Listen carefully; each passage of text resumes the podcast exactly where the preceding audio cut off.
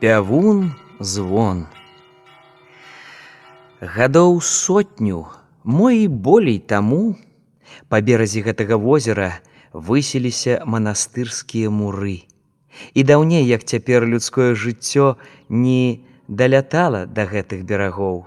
Толькі птушкі пяялі тутака ў летнюю пару, ды вольны вецер гуляў на прасторы.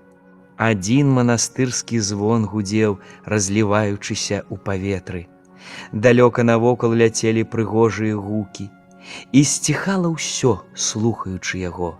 Птушкі раптам абрывалі сваю песню, сціхалі ў траве скакуны, слухаў у ім шары воўк, нават вецер і той супакойваўся, хаваючыся ў гушчары.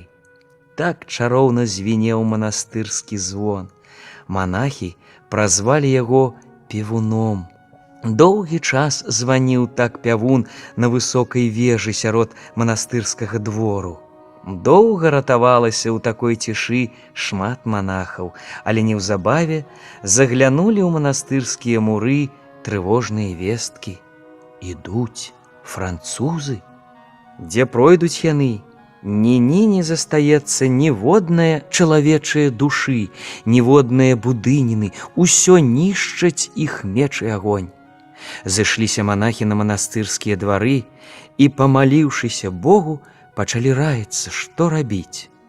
Доўга не маглі яны нічога прыдумаць, але вось выйшаў з грамады стары манах і пачаў гаварыць: « Браты, захаваем увесь манастырскі скарб, а певуна аддадзім хвалям гэтага возера на захаванне, а самі разойдземся, хто ў які бок.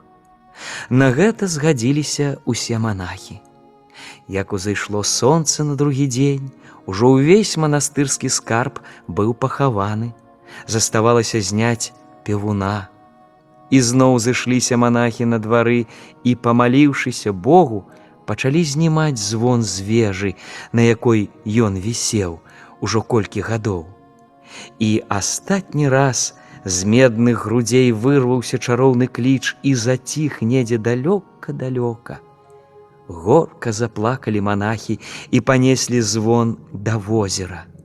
Астатні раз пачуліся яго зыкі ў паветры, і пявун ціха апусціўся ў ваду. Манахі, сказаўшы півуну: «Прасці, разышліся ў розныя канцы свету. І цяпер кажуць, калі прыйсці перад усходам сонца да гэтага возера, дык чутна, як звоніць з вады пявун звон.